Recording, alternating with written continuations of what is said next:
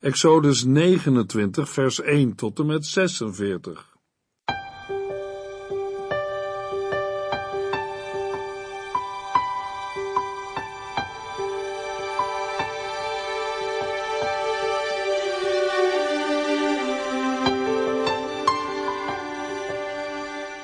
Hartelijk welkom bij De Bijbel Door, een programma van Transworld Radio. De Bijbel Door is een radioserie die u in vijf jaar meeneemt door de hele Bijbel. Van Genesis 1 tot Openbaring 22.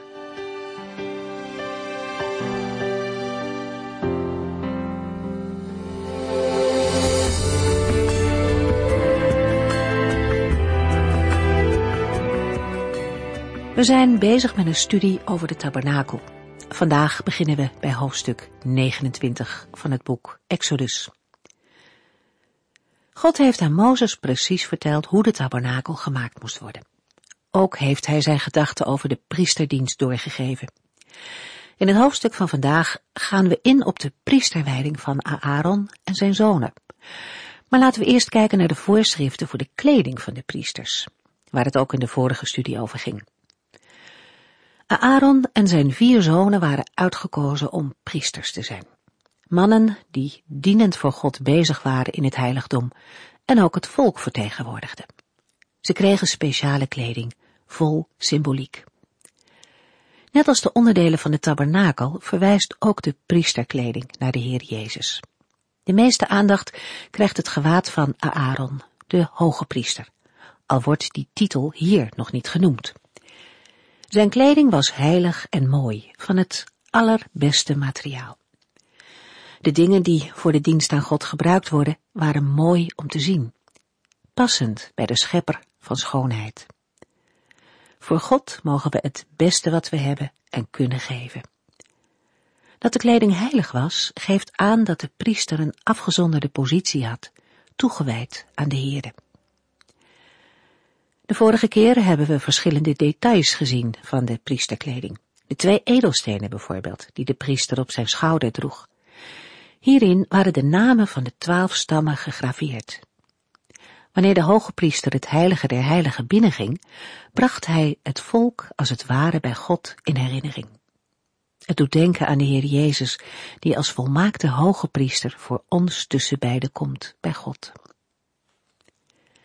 Ook de borsttas, of het borstschild, was versierd met edelstenen. Twaalf stuks, elk met de naam van een van de stammen erop. Zo droeg de hoge priester de twaalf stammen op zijn hart voor het aangezicht van God.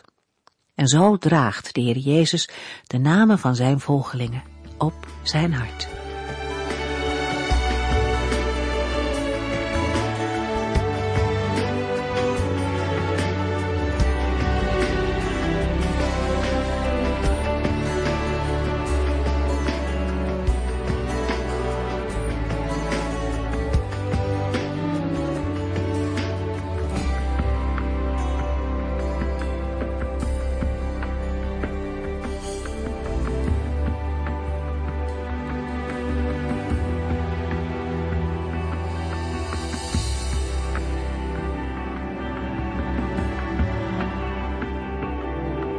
Exodus 29 geeft de aanwijzingen voor de priesterwijding van Aaron en zijn zonen. Daarmee wordt een uitwerking gegeven van de aankondiging in Exodus 28 vers 41. De uitvoering van deze voorschriften staat niet in Exodus, maar in Leviticus 8. Verschillende offers worden hier voor het eerst genoemd en ingesteld. Het brandofferaltaar dat binnen het kader van de priesterdienst een belangrijke plaats inneemt, wordt ook gewijd. Het slot van Exodus 29 bevat aanwijzingen en instructies voor het dagelijkse morgen- en avondoffer. Exodus 29, vers 1. Dit is het ceremonieel dat u moet volgen bij de priesterwijding van Aaron en zijn zonen. Neem één jonge stier, twee gave rammen. Exodus 29 is een lang hoofdstuk, maar liefst 46 versen. Niet alles ervan is even interessant en boeiend, maar toch kan de Heilige Geest het gebruiken om ons toe te rusten. alle gelovigen worden in de Bijbel heilige priesters genoemd. 1 Petrus 2 vers 5 U moet zich door God laten gebruiken als levende stenen, waarmee Hij zijn geestelijk huis bouwt. U bent ook heilige priesters, die door Jezus Christus geestelijke offers brengen, die voor God aanvaardbaar zijn. Een inwijding tot priester is voor een gelovige niet iets wat hij of zij voor zichzelf doet. Het is iets dat de Heer doet en wat rust op het volbrachte werk van Christus. Exodus 29 vers 2 tot en met 4 Neem één jonge stier, twee gave rammen, ongezuurd brood en ongezuurde koeken, die met olie zijn aangemaakt, en ongezuurde dunne koeken met olie bestreken, allemaal van fijn tarwemeel gemaakt. Leg deze in een mand en breng ze naar de ingang van de tabernakel, samen met de stier en de twee rammen. Daar, bij de ingang, zullen Aaron en zijn zonen zich wassen. In de eerste versen wordt opgesomd wat Mozes nodig heeft om Aaron en zijn zonen te heiligen tot het priesterambt. Het brood moet van tarwegries worden gemaakt. Tarwegries is het meel van de kern van de graankorrels. Bij hantering van een fijne zeef blijft het met de zemelen achter. Door een grove zeef kan het daarna van de zemelen gescheiden worden. Het is een luxe artikel en levert een nogal kruimelig baksel op. Het gemaakte brood wordt in een mand gelegd en met de dieren naar de ingang van de tabernakel gebracht. In het vervolg van Exodus 29 wordt duidelijk wat er met de offergaven gedaan moet worden. Mozes is de vertegenwoordiger van de Here, persoonlijk door de Here aangesteld. Hij kan, hoewel zelf geen priester, priesterlijke taken vervullen en de priester en offerdienst instellen. Hij is hier middelaar tussen de Here en zijn volk. Aaron en zijn zonen zullen de taak van Mozes overnemen en een blijvend middelaarschap uitoefenen in de priesterdienst. Het wassen is een beeld van uiterlijke en innerlijke reiniging. Het wijst ook naar de wedergeboorte en vernieuwing door de Heilige Geest. Titus 3 vers 5 zegt, niet omdat wij het hadden verdiend, maar omdat Hij met ontferming over ons bewogen was en medelijden met ons had. Hij heeft onze zonden afgewassen, ons nieuw leven gegeven en ons vernield door de Heilige Geest. Exodus 29, vers 5 tot en met 9. Daarna moet u Aaron kleden met zijn onderkleed, de mantel die onder het priesterkleed wordt gedragen, het priesterkleed zelf en de borsttas. Maak de riem van het priesterkleed vast, zet hem de tulband op en bevestig de gouden rozet eraan. Dan moet u hem zalfolie over het hoofd gieten. Daarna moet u Aarons zonen kleden met de ondermantels, geweven riemen en hoofddoeken. Zij zullen voor altijd priesters zijn. Op die manier moeten Aaron en zijn zonen tot priester worden gewijd. In de ceremonie van de priesterwijding worden drie stadia onderscheiden: het wassen, kleden en zalven. Alles vindt plaats bij de ingang van de tabernakel. De eerste handeling is wassen met water. Hier is waarschijnlijk een wassen van het hele lichaam bedoeld en niet alleen het wassen van de handen en voeten, zoals later voldoende is, Exodus 30. De tweede handeling staat in de versen 5 en 6. Mozes moet de kleding, die in het vorige hoofdstuk is genoemd, Aaron en zijn zonen aandoen. De volgorde van de opsomming hoeft niet de volgorde van aantrekken te zijn. De gordel en de schorten ontbreken. De derde handeling, de zalving, wordt in vers 7 beschreven. Deze zalving is beeld van aanstelling en toerusting door de geest van God. De zalving van Aaron wordt bezongen in Psalm 133. De olie vloeit neer van het hoofd in de baard.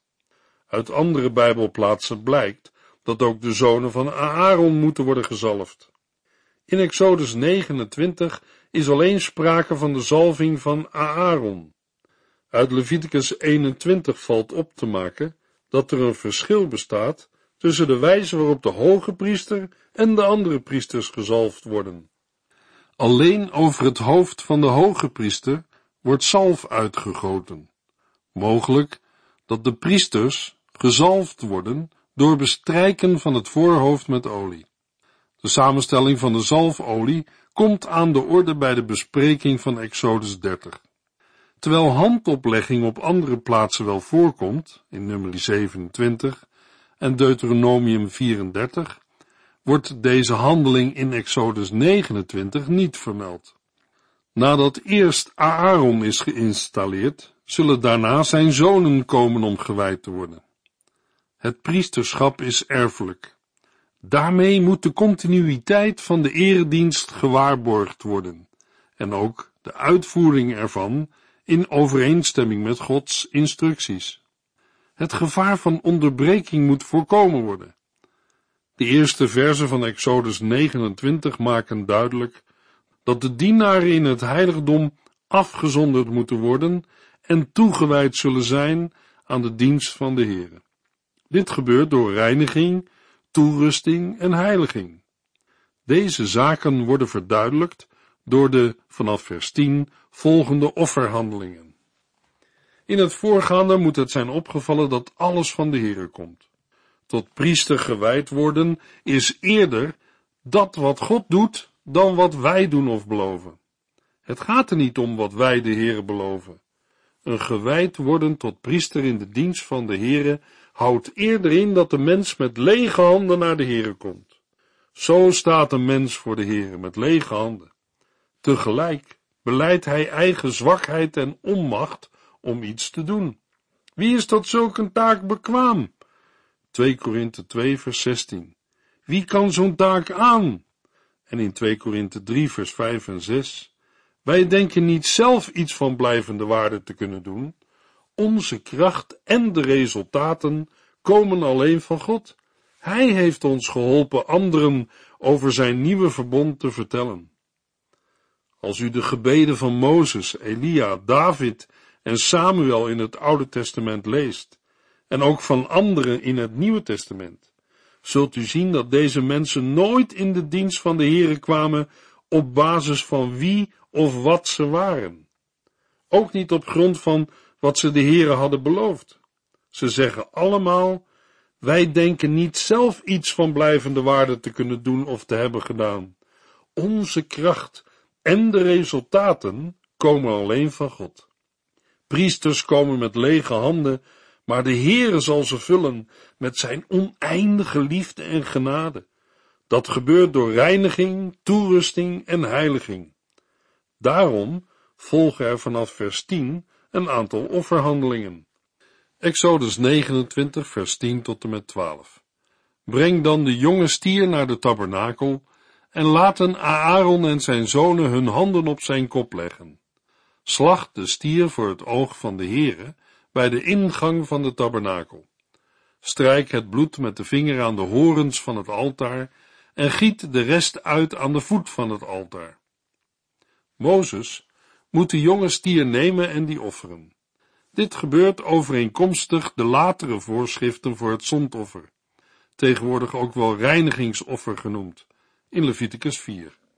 De uitvoering van de voorschriften met betrekking tot Aaron en zijn zonen staat in Leviticus 8. Omdat er nog geen priesterwijding heeft plaatsgevonden, treedt Mozes hier als priester op. De wassing van het lichaam is niet voldoende. Volkomen zuiverheid is nodig en elke mogelijke smet door zonde en schuld moet worden weggenomen. Nadat Mozes Aaron en zijn zonen heeft doen naderen voor de tabernakel, in de grondtekst staat letterlijk tent der samenkomst, en hen na wassing de heilige kleren zijn aangetrokken, moeten zij hun handen op de kop van de jonge stier leggen. Daarmee wordt hun zonde symbolisch op de jonge stier overgebracht. Dit offerdier wordt plaatsvervanger en de dood van het dier geschiet in plaats van de dood van de offeraar. Mozes moet de stier slachten op de aangegeven plaats, bij de ingang van de woning van God, vers 11. Het altaar, waarvan Mozes de hoornen met bloed moet bestrijken, is het brandofferaltaar. Het overige bloed wordt uitgegoten aan de voet van het altaar. Zo wordt ook het altaar gereinigd. Daarna gaan een aantal bijzondere delen van de jonge stier als gaven aan de Heere in rook op. Vers 13. Dit wordt ook bij de vredeoffers voorgeschreven. Leviticus 3. Vers 14 geeft aan dat het vlees, de huid en de inhoud van de ingewanden buiten het legerkamp moeten worden verbrand, als een offer voor de zonden. Het kamp mag niet besmet worden en daarom moet alles totaal vernietigd worden. In latere en andere situaties mogen de priesters meestal van het zondoffer eten. Hier mag en kan dat nog niet. Mozes gaat verder met het brengen van offers. Hij moet een van de beide rammen nemen en als brandoffer laten dienen. De naam brandoffer wordt genoemd in vers 18. Het brandoffer is als een traditionele ceremonie bij veel gelegenheden gebruikt. Het doel ervan is toewijding en aanbidding. Aaron en zijn zonen brengen de wijding van henzelf aan de Heere over door hun handen op de kop van de ram te leggen. Daarvan kan sprake zijn nu het zondoffer ter verzoening buiten het kamp is gebracht. De ram wordt geslacht, zijn bloed genomen en rondom het altaar gesprenkeld. De delen die door het slachten zijn ontstaan, worden op het altaar gelegd, waarbij de ingewanden en de onderschenkels eerst gereinigd worden en vervolgens op de andere delen worden gelegd. Alles op het altaar wordt verbrand en gaat in rook op. Het is een brandoffer voor de Heere, een aangenaam offer in zijn ogen. Exodus 29 vers 18. De gebrachte offers laten zien dat ook de priesters gereinigd moeten worden door het bloed van het offerdier. De principes van deze beide offers zijn, ook vandaag, belangrijk voor ieder die de Heere God dient. Bij de bespreking van het Bijbelboek Hebreeën zullen we dit verder uitwerken en inhoud geven. Exodus 29, vers 19 tot en met 21. Neem dan de tweede ram en laat Aaron en zijn zonen hun handen op zijn kop leggen. Slacht het dier en verzamel zijn bloed. Strijk het bloed aan de rechter oorlel, de rechterduim en de rechtergrote teen van Aaron en zijn zonen. De rest van het bloed moet over het altaar worden gesprenkeld. Haal daarna wat bloed van het altaar en vermeng het met de zalfolie. Sprenkel dat mengsel over Aaron en zijn zonen en over hun kleren. Zo zal hun kleding worden geheiligd voor de Heere. Hier is sprake van een vredeoffer, genoemd in vers 28. Maar voordat deze algemene verplichting van de Israëlieten ten opzichte van de priesters aan de orde komt, is er eerst sprake van een bijzondere inwijding of installatie. De eerste van de twee rammen is reeds geofferd. Nu wordt de tweede ram genomen. Ook op de kop van dit dier moeten Aaron en zijn zonen hun handen leggen. Als de ram is geslacht, moet iets van het bloed genomen worden en op enkele lichaamsdelen van de priesters worden gedaan. Daarmee wordt hun gehoor, daden en wandel aan de Heer en zijn dienst gewijd. Evenals bij het brandoffer moet ook van de tweede ram het bloed over het altaar worden gesprenkeld. Daardoor wordt de relatie tussen altaar en priester bevestigd, als ook hun toebehoren aan de Heere God. Daarna volgt nog een besprenkeling van de priesters en hun kleding met het bloed van het altaar met de zalfolie. Door de besprenkeling worden de priesters heilig, dat wil zeggen, aan de Heere en zijn dienst gewijd. Nu moeten van de tweede ram, de ram van het inwijdingsoffer, vers 22, verschillende delen worden genomen. Ook een brood, een broodkoek en een dunne koek uit de mand moeten daarna worden toegevoegd. Zij vormen de niet bloedige offers.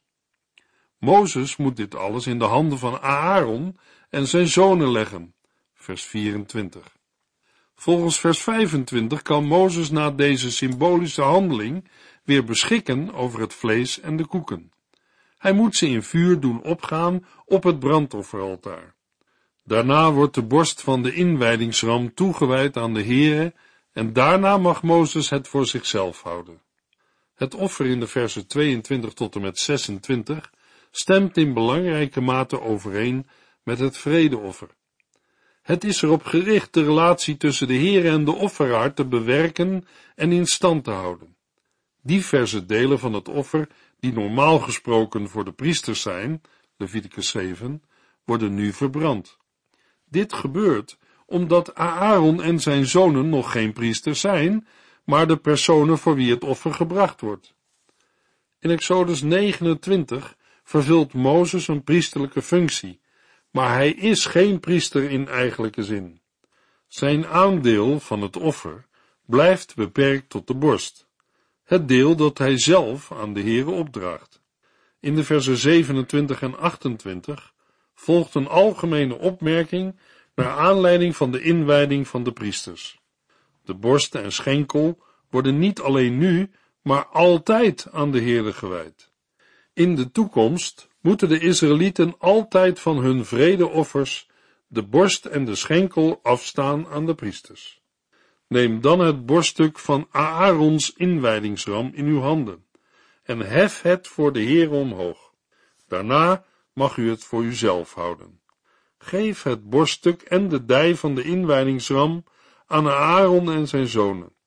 De Israëlieten moeten dit deel van hun offers, zowel vredeoffers als dankoffers, afstaan als een gave voor de Heere. Exodus 29, vers 26 tot en met 28. De hoge priestelijke kleding is uitgebreid genoemd in Exodus 28. Kleding en ambt zijn nauw met elkaar verbonden, en daarom moet de kleding overgedragen worden van vader op zoon. De kleding is zo ontworpen dat zij door personen van verschillend postuur gedragen kan worden.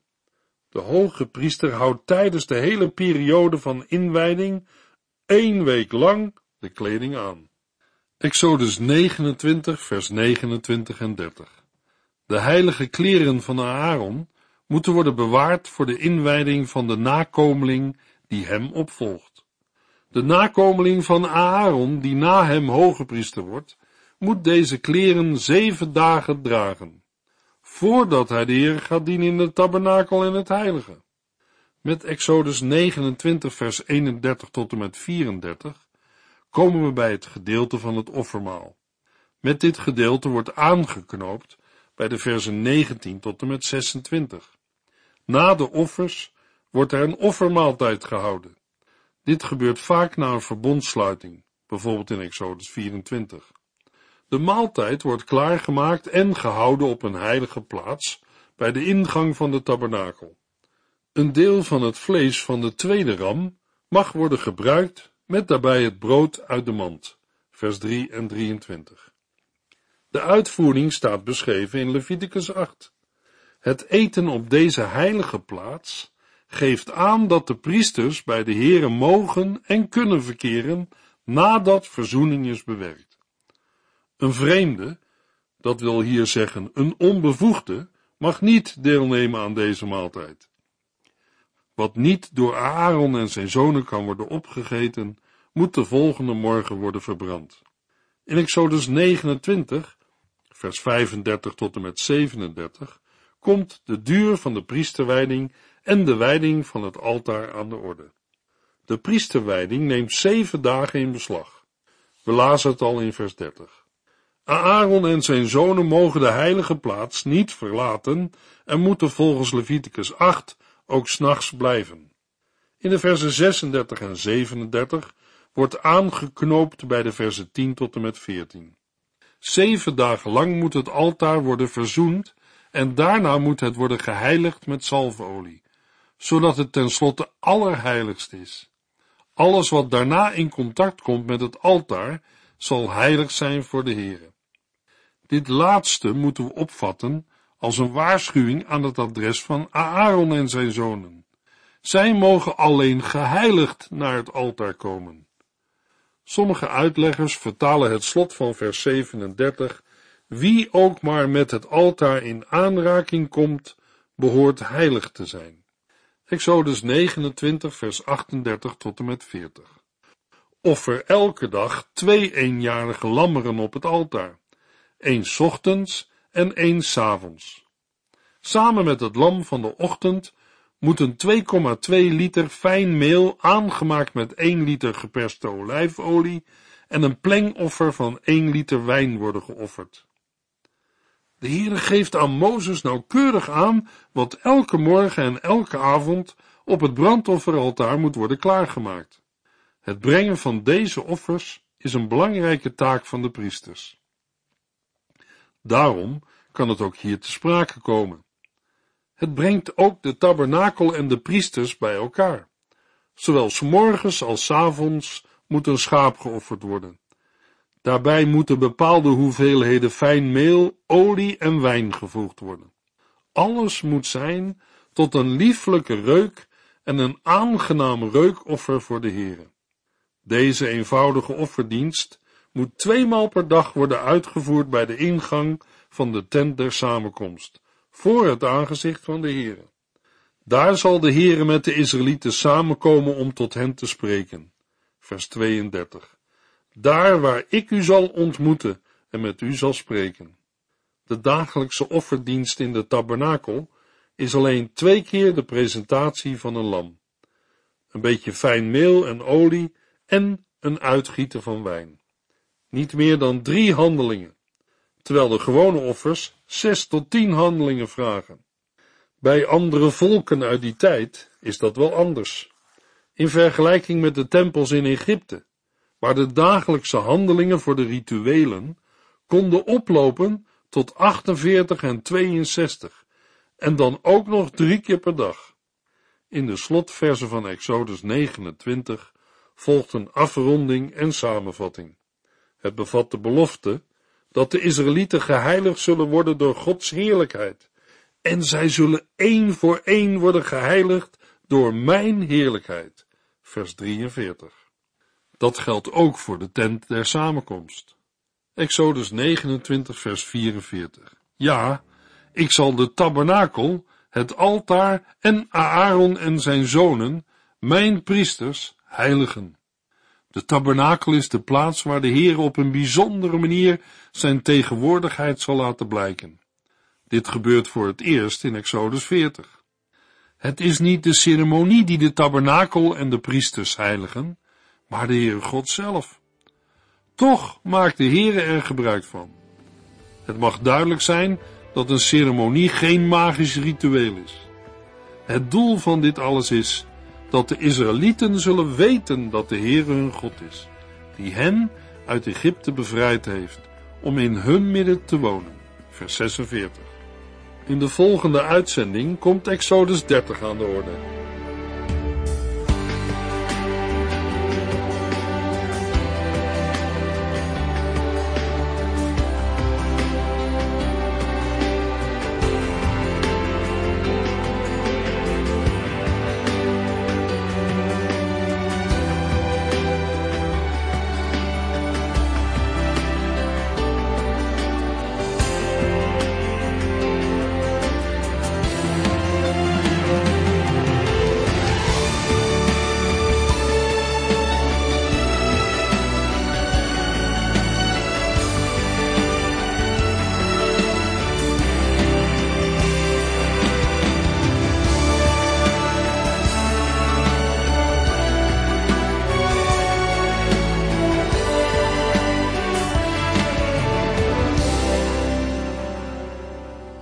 Heeft geluisterd naar De Bijbel Door.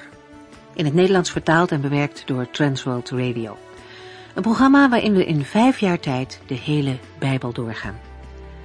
Als u wilt reageren op deze uitzending of u heeft vragen, dan kunt u contact met ons opnemen. Tijdens kantooruren kunt u bellen op 0342 47 8432. 0342 47 8432. 32.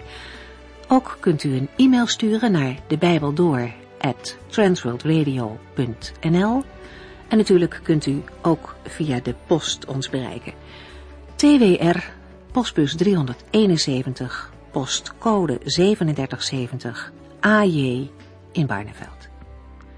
Dit programma werd gepresenteerd door Cor Weda en Ike André. Techniek was in handen van Odin van Woerdekom. En wij allemaal bedanken u voor het luisteren. Graag tot de volgende keer.